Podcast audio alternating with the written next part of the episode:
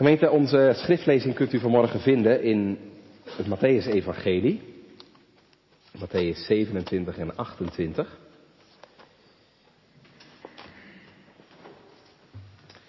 Matthäus 27. We beginnen te lezen vanaf vers 57.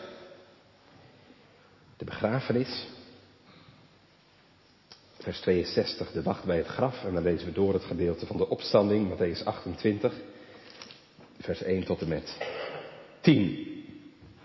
Dus we gaan nu luisteren naar het woord van God, Matthäus 27 vanaf vers 57. En als het avond geworden was, kwam een rijk man van Arimathea, met name Jozef, die ook zelf een discipel van Jezus was. Deze kwam tot Pilatus en begeerde het lichaam van Jezus. Toen beval Pilatus dat hem het lichaam gegeven zou worden. En Jozef, het lichaam nemende, wond hetzelfde in een zuiver fijn lijnwaad. En hij legde dat in zijn nieuw graf, het welk hij in een steenrots uitgehouwen had. En een grote steen tegen de deur des grafs gewenteld hebbende, ging hij weg. En aldaar was Maria Magdalena en de andere Maria, zittende tegenover het graf. Des andere daags nu, welke is na de voorbereiding, vergaderden de overpriesters en de fariseeën tot Pilatus, zeggende, Heer, wij zijn indachtig dat deze verleider nog levende gezegd heeft, na drie dagen zal ik opstaan. Beveel dan dat het graf verzekerd worden tot de derde dagen toe, opdat zijn discipelen misschien niet komen bij nacht en stelen hem en zeggen tot het volk, hij is opgestaan van de doden. En zo zal de laatste dwaling erger zijn dan de eerste. En Pilatus zeide tot hen lieden, Gij hebt een wacht, gaat heen, verzekert het, gelijk gij het verstaat. En zij heengaande verzekerden het graf met de wacht, de steen verzegeld hebbende. En laat na de Sabbat, als het begon te lichten, tegen de eerste dag der week, kwam Maria Magdalena en de andere Maria om het graf te bezien. En ziet, er geschiedde een grote aardbeving, want een engel des Heren, nederdalende uit de hemel, kwam toe en wentelde de steen af van de deur en zat op dezelve. En zijn gedaante was gelijk een bliksem, en zijn kleding wit gelijk sneeuw. En uit vrees van hem zijn de wachters zeer verschrikt geworden en werden als doden. Maar de engel, antwoordende, zeide tot de vrouwen, vreest gij lieden niet, want ik weet dat gij zoekt Jezus, die gekruisigd was. Hij is hier niet, want hij is opgestaan, gelijk hij gezegd heeft. Komt herwaarts, ziet de plaats waar de Heere gelegen heeft. En gaat haastelijk heen en zegt zijn discipelen dat hij opgestaan is van de doden. En ziet, hij gaat u voor naar Galilea. Daar zult gij hem zien. Ziet, ik heb het u lieden gezegd. En haastelijk uitgaande van het graf, met vrezen en grote blijdschap liepen zij henen om hetzelfde zijn discipelen te boodschappen.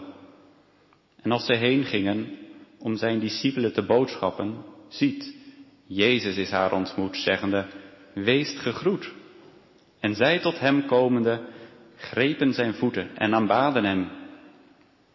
Toen zeide Jezus tot haar, vrees niet, gaat heen, boodschap mijn broederen, dat zij heen gaan naar Galilea en aldaar zullen ze mij zien.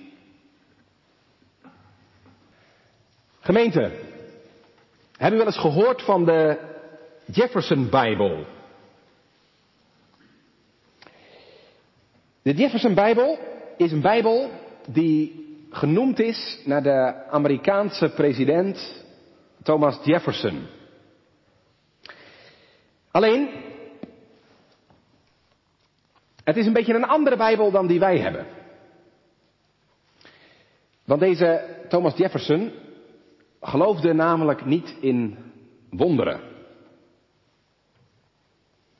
En dus ook niet in de opstanding. Hij heeft alle wonderen, zeg maar, eruit gehaald, eruit geknipt uit zijn Bijbel.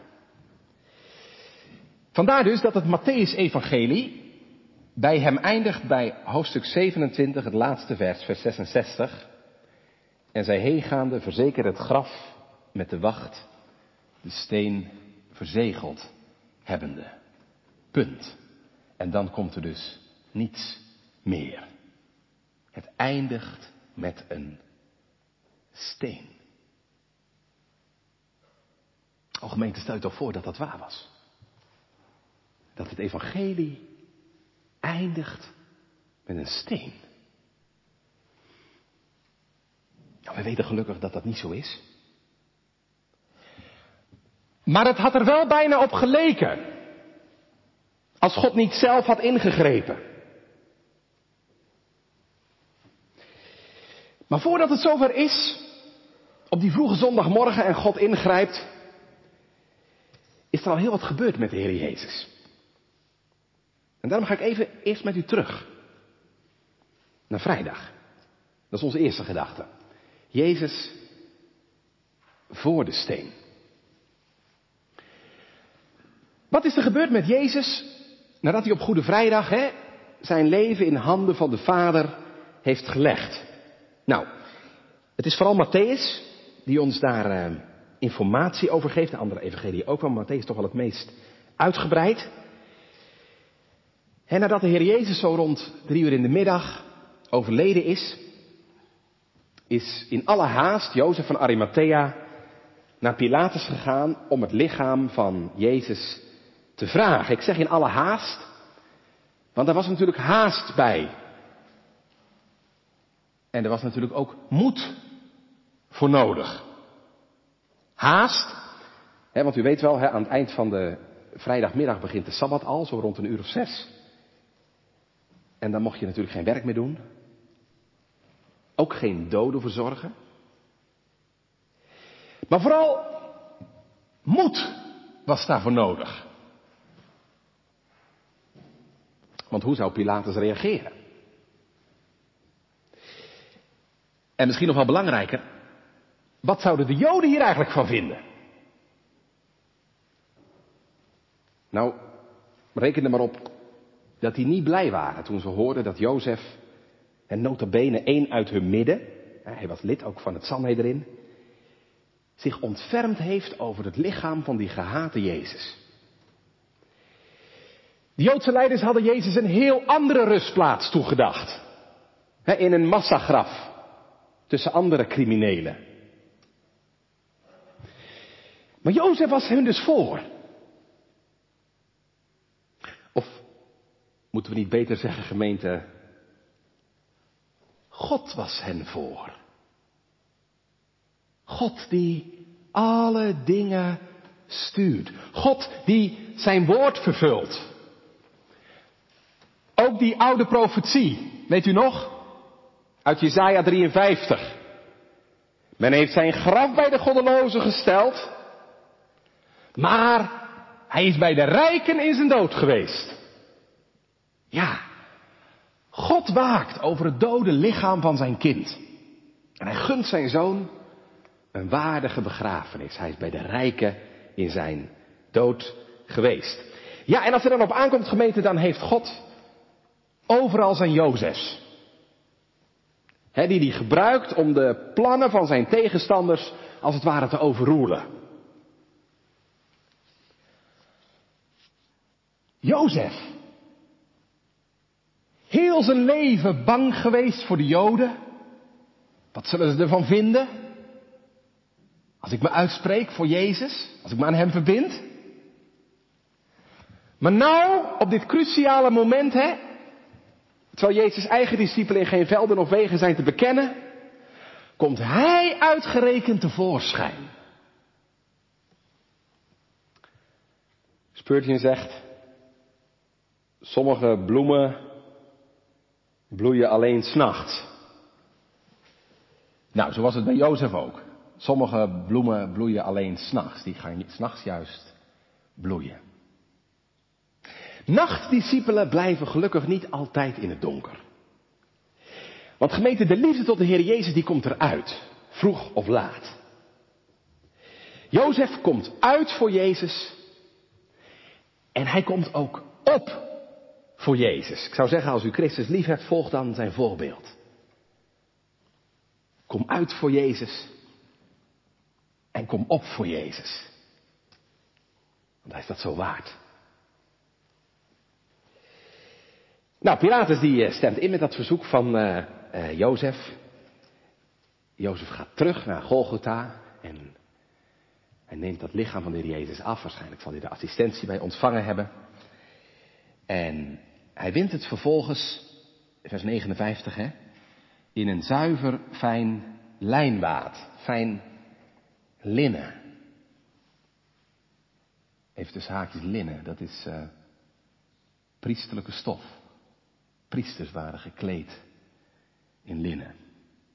Hier sterft de grote priester. En hij wordt in linnen gewikkeld. En vervolgens legt hij het dan in zijn eigen graf. Dat graf van Jozef, dat was waarschijnlijk heel dicht bij Golgotha. En vermoedelijk op de plek hè, waar vandaag in Jeruzalem de heilige grafkerk staat. Als u wel eens in Jeruzalem geweest bent, dan bent u daar misschien ook wel geweest. De heilige grafkerk, dat is waarschijnlijk de plek waar de Heer Jezus gekruisigd en ook begraven is. En het is even belangrijk, hè? Bij, bij dat graf moet je niet denken aan een graf zoals wij dat kennen, zoals we dat hier op de Veerse weg hebben. Een graf in de grond, in de bodem. Maar het gaat hier om een graf bovengronds. Dat graf werd uitgehakt in een rots. En zo'n graf bestond uit een, ja, eerst een soort centrale ruimte. En daarachter dan verschillende nissen. zodat er dus ook meerdere mensen, meerdere familieleden in dat graf begraven konden worden. En voor die centrale ruimte, voor de ingang daar naartoe, zet Jozef een steen. Dat is geen liggende platte steen, zoals je dat bij ons nog wel ziet op de begraafplaats. Maar dat was een grote rechtopstaande ronde steen. Die, die via een sleuf in de grond zo voor de opening gerold kon worden. Meestal had je daar denk ik wel een paar mannen bij nodig om dat te doen. En dan was het graf afgesloten, zodat er geen vreemden konden of wilde dieren. Enorme grafsteen, vaak honderden kilo's zwaar. En zo gemeente gaat Jezus op die vrijdagavond van voor de steen achter de steen. Onze tweede gedachte. Jezus achter de steen. Dan gaan we dus van de vrijdag naar de zaterdag. En gemeente, ook als de Heer Jezus achter de steen ligt, ontdekken we, blijft Hij voorwerp van gesprek. Ja, mocht u denken dat na Jezus dood de discussie wel over is, dan vergis je je. Want we lezen, en dan lezen we even verder, vers 62. Des andere daags nu, dus zaterdags, welke is na de voorbereiding, vergaderden de overpriesters en de fariseeën tot Pilatus. Vindt u dat niet wonderlijk? Deze mannen, de overpriesters en de fariseeën, die het nota bene Jezus kwalijk namen als zijn discipelen op de Sabbat aren plukten, die boos werden als Jezus op de Sabbat iemand beter maakt en genas, hebben er blijkbaar geen moeite mee om op Sabbat te vergaderen.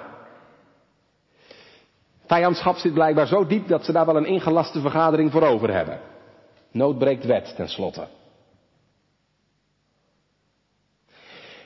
En uit alles gemeten wordt wel duidelijk, ze zijn er nog niet gerust op. Hij is dan wel dood, een gehate tegenstander. Maar je weet maar nooit.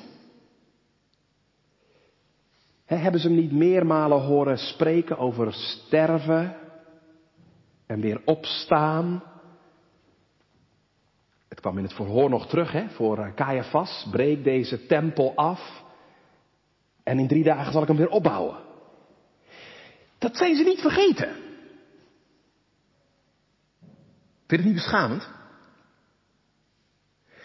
Waar zijn eigen discipelen het wel vergeten zijn en het niet geloven kunnen dat Jezus opstaat, zijn zijn vijanden niet vergeten. Ze zijn er niet gerust op. En daarom gaan ze naar Pilatus toe. En dan zeggen ze, vers 63, Heer, wij zijn indachtig dat deze verleider nog levendig gezegd heeft, na drie dagen zal ik opstaan. En daarom vragen ze Pilatus om twee dingen. Um, in de eerste plaats vragen ze dat het graf verzegeld wordt. Dus afgesloten dat er een zegel op gehecht wordt. En niemand bij kan komen. En in de tweede plaats vragen ze een wacht. Het graf moet bewaakt worden. Want, zeggen ze, dat is hun argument dan, hè? Uh, vers 64. En anders bestaat misschien de kans dat zijn discipelen komen en zijn lichaam stelen.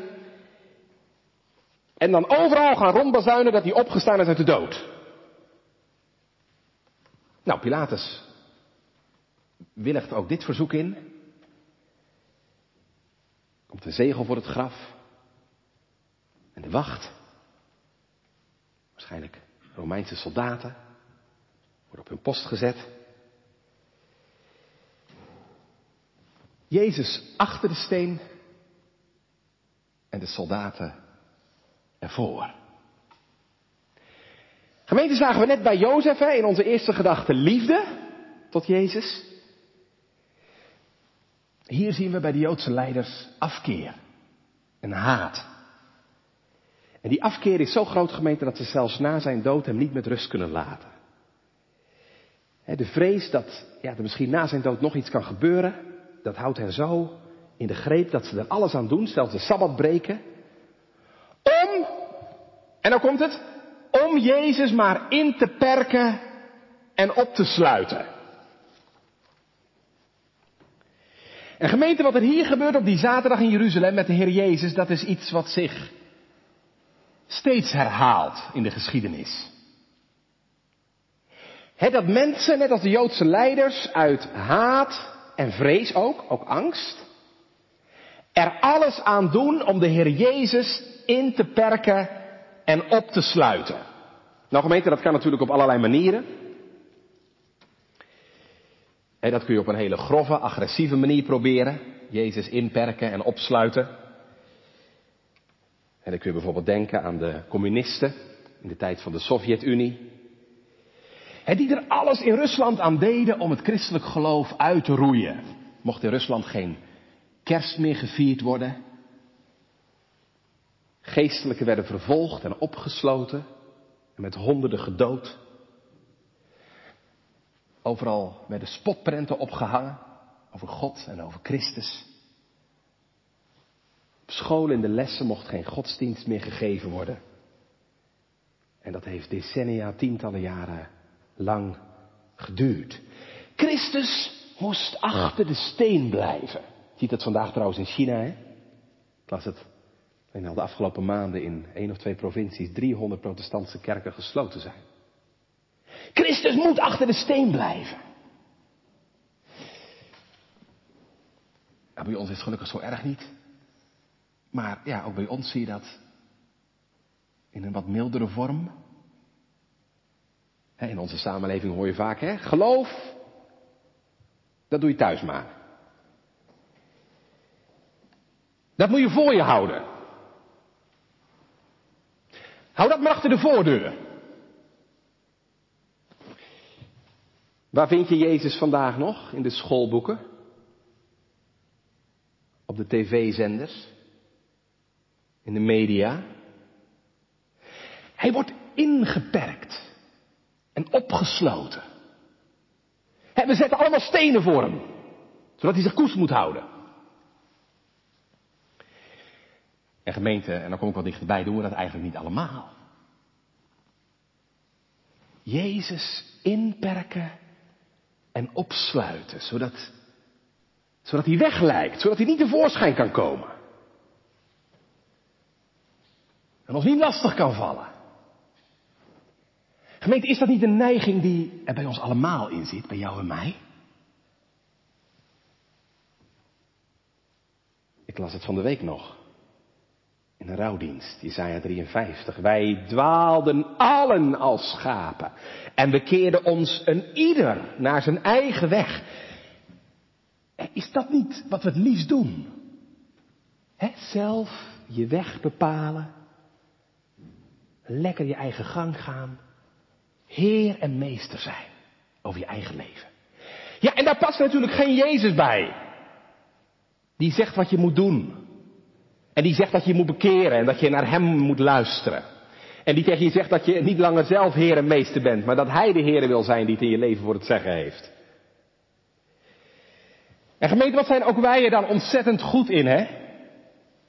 Om Jezus steeds weer achter de steen te stoppen. Hem in te perken. En op te sluiten. dat kun je op een hele grove manier doen. Door je vingers in je oren te stoppen. Als de Heer je toeroept, wend je naar mij toe. Bekeer je en geloof het evangelie. Verloog je jezelf en volg mij na. Je stopt je vingers in je oren en je volhardt gewoon in je eigen leven, in je eigen gewoonten en zonden. Jezus inperken, gemeente, dat kun je ook doen door jezelf geen tijd te gunnen om te doen wat hij zegt. omdat je zo opgaat in de drukte van het leven, dat je gewoon, ja, eigenlijk geen tijd hebt om te luisteren naar wat hij zegt.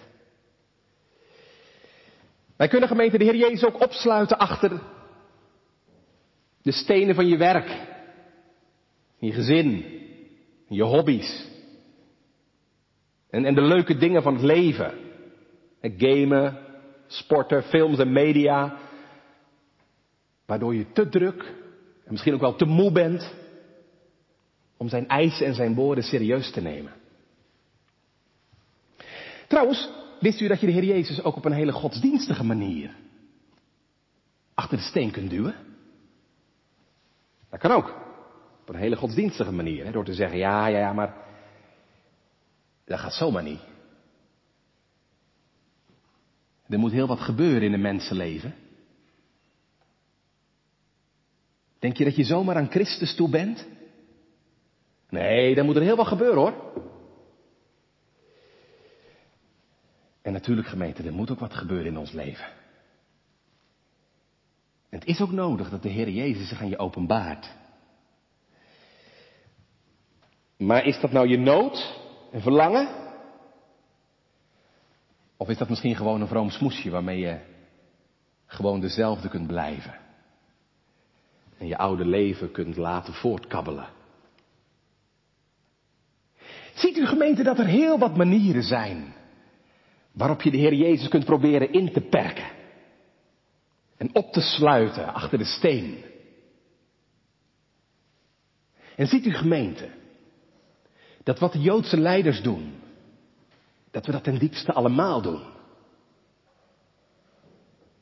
Het zijn de Joden niet, Heer Jezus, die u kruisten.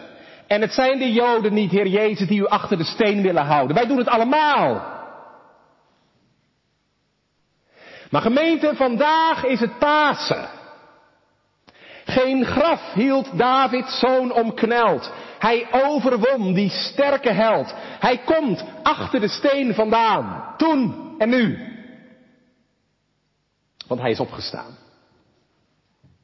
En dat is onze derde gedachte. Jezus voor de steen.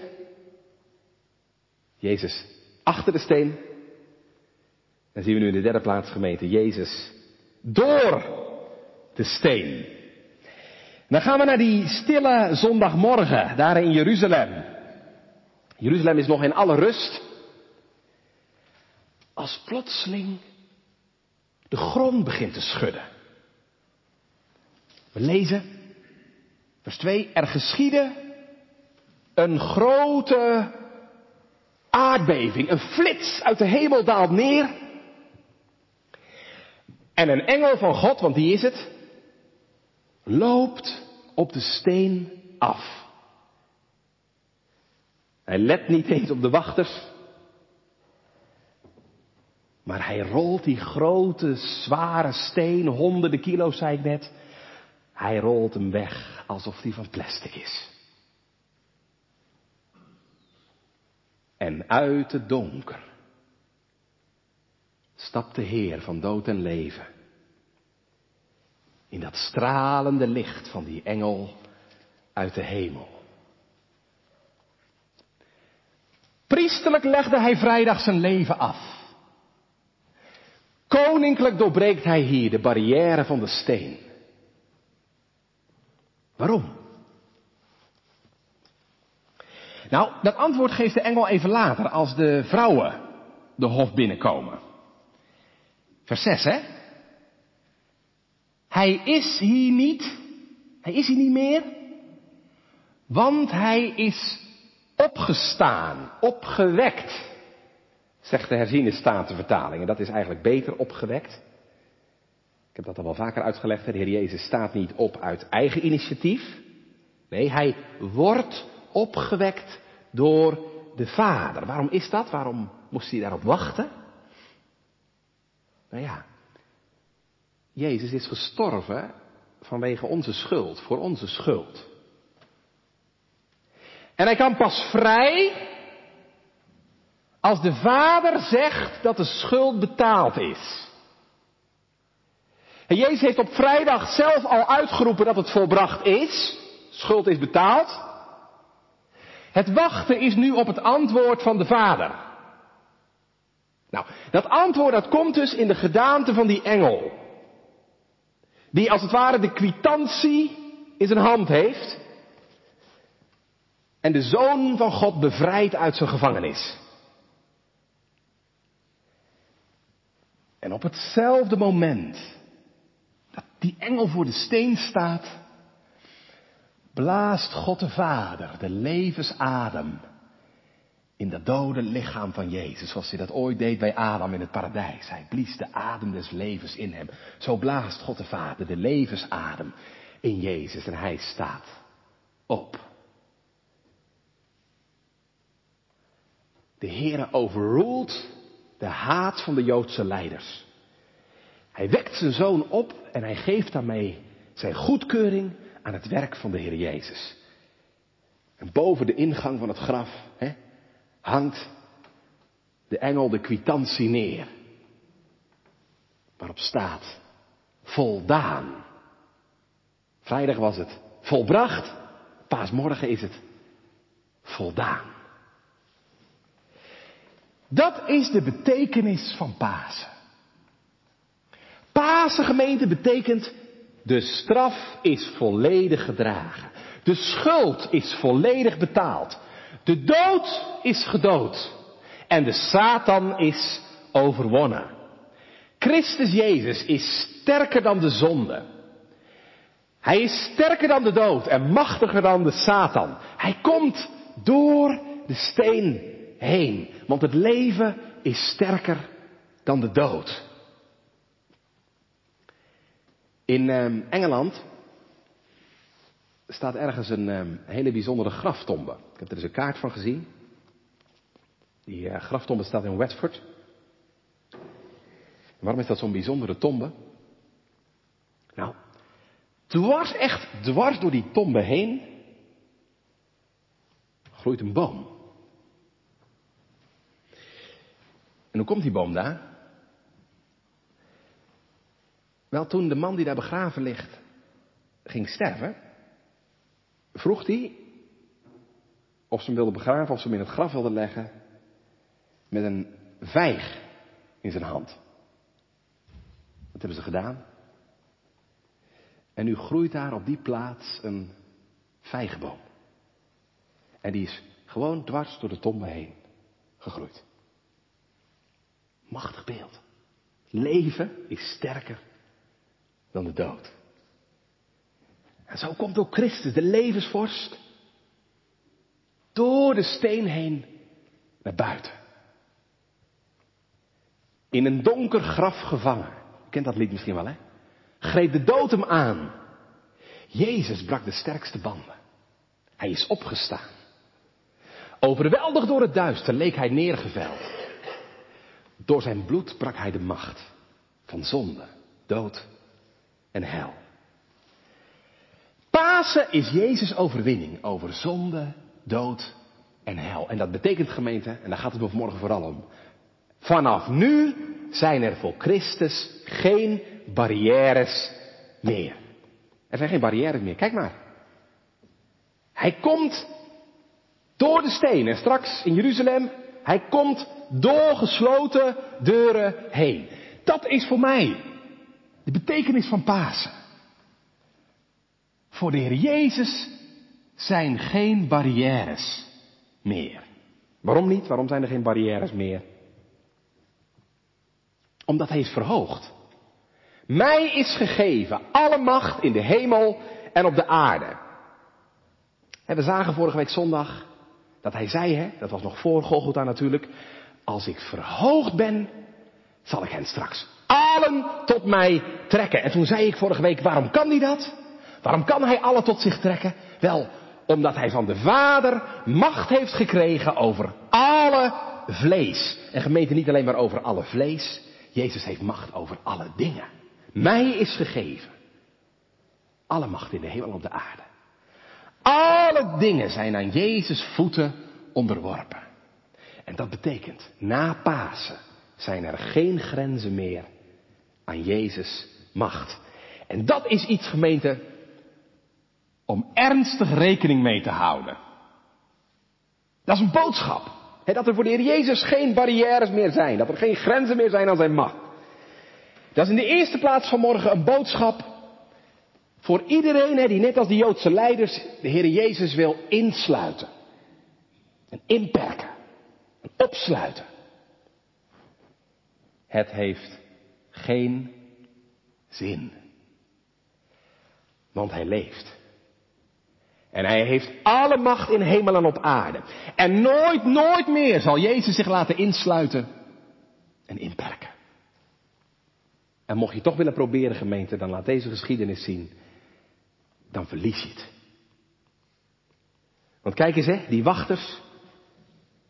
Die dachten dat ze Jezus opgesloten hadden. Ze vluchten vol vrees. En dat is voor mij een beeld, gemeente, voor iedereen die probeert om de Heer Jezus op te sluiten. Die zal vluchten met vrees. Iedereen die probeert om Jezus op te sluiten, zal straks vol vrees vluchten. Als Jezus straks nogmaals tevoorschijn komt, dan zegt de Bijbel, dan zal iedereen die probeerde om Jezus achter een steen te stoppen, dan zal iedereen de stenen aanroepen. Val op ons en bedek ons voor de toren van het lam. Dat zal u toch niet gebeuren? Of jij? Of probeer je nog steeds de Heer Jezus achter een steen te houden? Ja, dat helpt niet. Hij leeft. En gemeente, we zullen hem ontmoeten, hoe dan ook. En daarom gemeente, je kunt beter voor hem vallen dan straks voor hem moeten vluchten. Waar de wachters vluchten, zijn het de vrouwen die vallen. Ze vallen hem te voet. En ik zou zeggen, doe dat ook. Als jij nog probeert de Heer Jezus achter de steen te stoppen en te houden. Geef dat verzet toch op.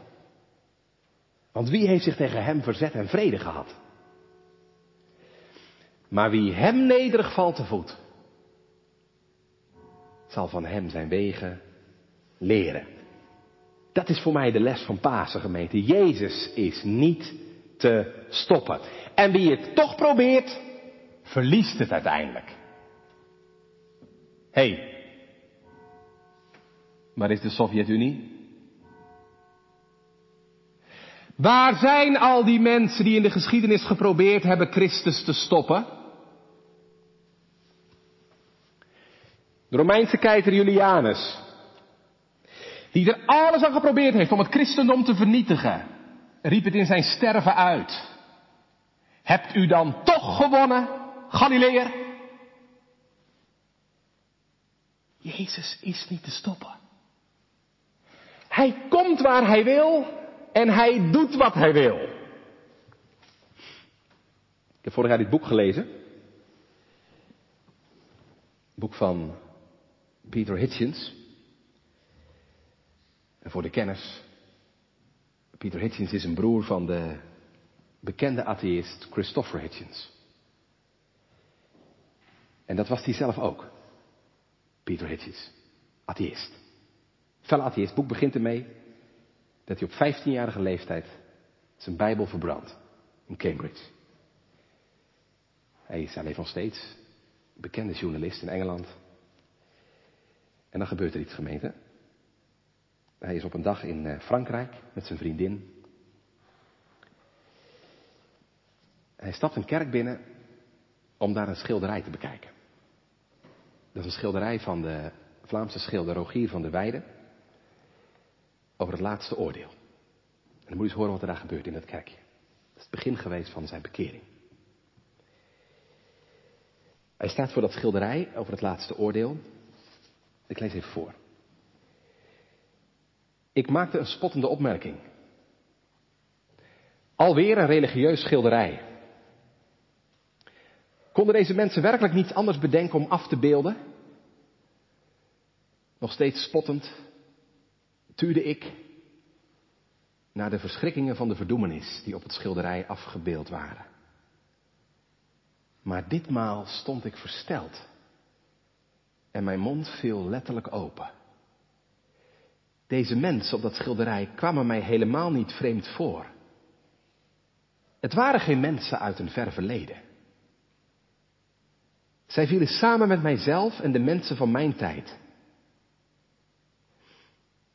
Ik had geen religieuze ervaring. Er gebeurde niks mystieks of onverklaarbaars. Geen trance, geen vervoering, geen visioen, geen stemmen, geen lichtflits. Maar ik had een plotselinge en sterke gewaarwording dat religie iets van het heden is. En niet iets van ons gescheiden door de brede kloof van de tijd. En dan gebeurt er iets met hemzelf. Een lange reeks van wandaden, variërend van beschamende tot weerzingwekkende zaken, kwamen mij voor de geest. Ineens wordt hij herinnerd aan zijn eigen zonde en het kwaad dat hij zelf bedreven heeft. Ik had er geen enkele twijfel over dat als er verdoemden waren, ik daartoe behoorde. Dat is het begin geweest. Hij zegt, het is misschien gênant om te moeten erkennen dat angst een rol speelde in mijn terugkeer tot het geloof. Maar wat ik zo mooi vind in dit verhaal, en dit boek vertelt er nu daar natuurlijk nog veel meer over, maar dat je dus spottend voor een schilderij staat, hè, waar de Heer Jezus op afstaat gebeeld, schilderij van het laatste oordeel. En God zo'n schilderij kan gebruiken om je tot het besef te brengen. Daar sta ik ook bij. En ik heb het oordeel verdiend vanwege al mijn zonden. Deze felle atheïst werd overtuigd in zijn geweten en keerde terug tot het geloof. Of denk aan Saulus. En Saulus die zich, dat is natuurlijk weer anders, maar op een hele godsdienstige manier zich tegen Jezus verzette. Maar toen hij Jezus tegenkwam, op weg naar Damascus, hij al zijn verzet en vijandschap en godsdienst op moest geven. En beleid, ik heb alle dingen schade geacht en acht die drek te zijn om de uitnemendheid van de kennis van Christus Jezus, mijn Heer. Kun je dat vanmorgen ook nazeggen? Is alles voor u schade en drek geworden? Ook uw godsdienstigheid en alles waar u op leunde en steunde? Is het voor u ook Jezus alleen geworden? Gemeente, u ziet, wat voor verzet het ook is, hè? Of dat nou atheïstisch is of godsdienstig zoals Saulus. Het houdt de Heer Jezus niet tegen. He, al houd jij misschien Jezus buiten de deur. Met een leven vol leuke dingen. Voetbal, relaties, vermaak. Denk niet dat Jezus zich daardoor laat weerhouden. Als Christus in je leven komt geweten, dan rukt hij alle stenen omver. Ik heb het in een van mijn gemeentes mogen meemaken. Een jongen die helemaal vast zat in de homoscene. Darkrooms bezocht. En de Heer kwam in zijn leven. En hij werd eruit getrokken. En hij mocht na veel strijd beleid niet bij me doen. Ik denk aan mijn buurjongen vroeger in Scherpenzeel. Hij leerde zijn vriendin kennen in de discotheek. Zo was zijn leven. Maar de Heer ging in zijn leven werken.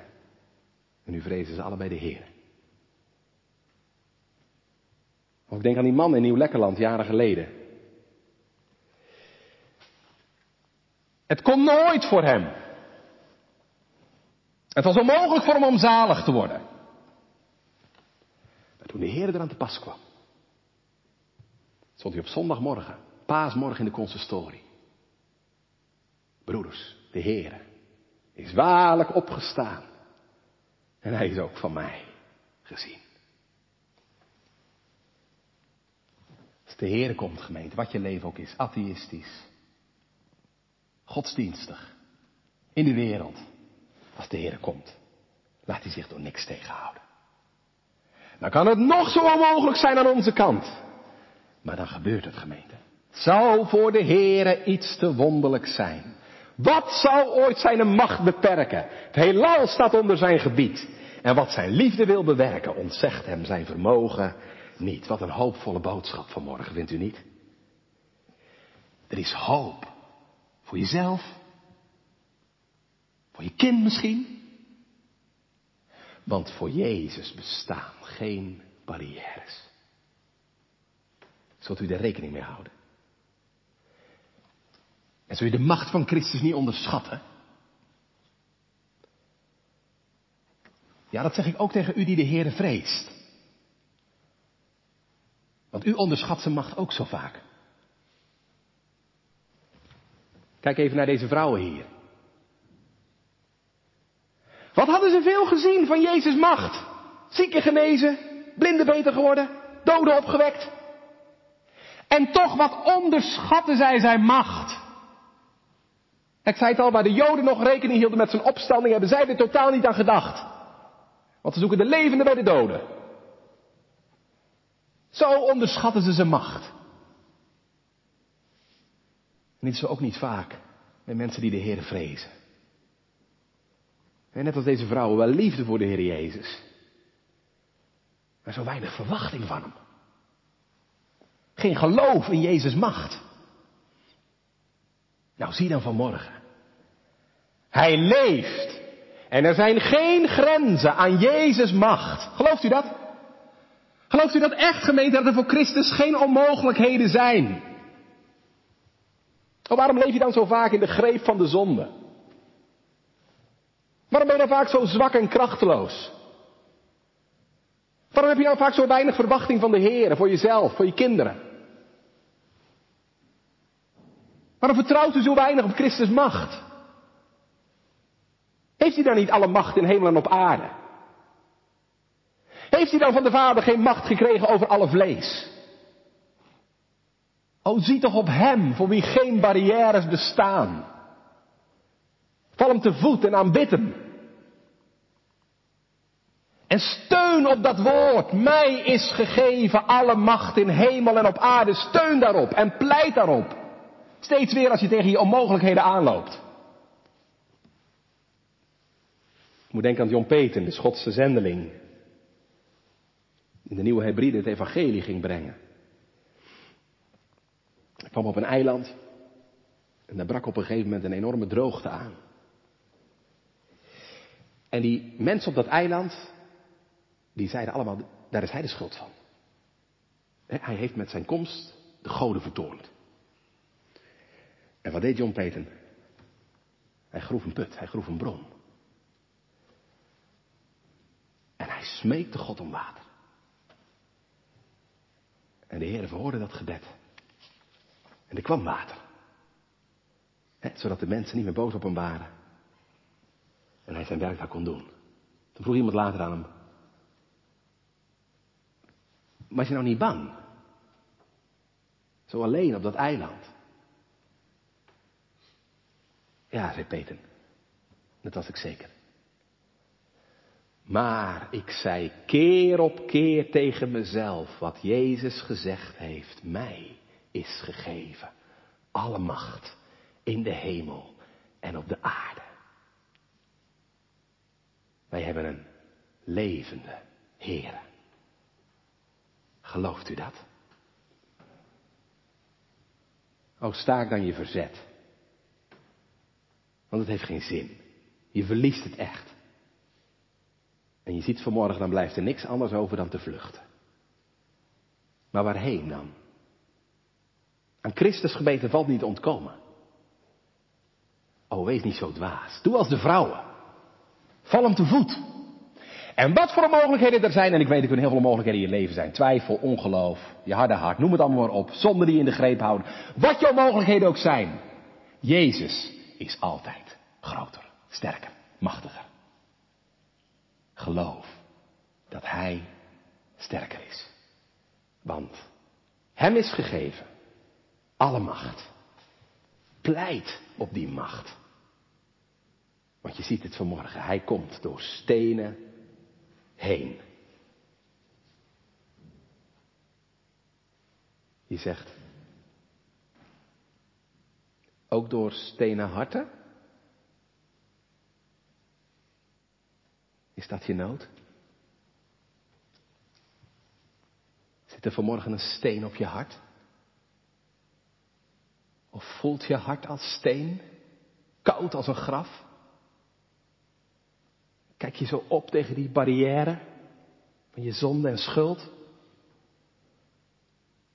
Of ben je misschien zo druk bezig zelf die steen weg te krijgen van je zonde en schuld? Het lukt niet. Nee, en het zal je ook nooit lukken. Kent u dat verhaal van Sisyphus?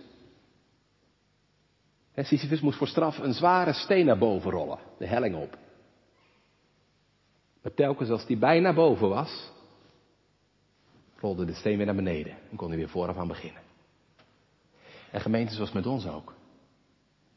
Zolang u probeert de steen van zonde en schuld zelf weg te krijgen, door je leven te verbeteren, door vroom te worden of wat het dan ook is, ben je bezig zelf de steen weg te krijgen. Het zal u nooit lukken. U krijgt de barrière niet weg.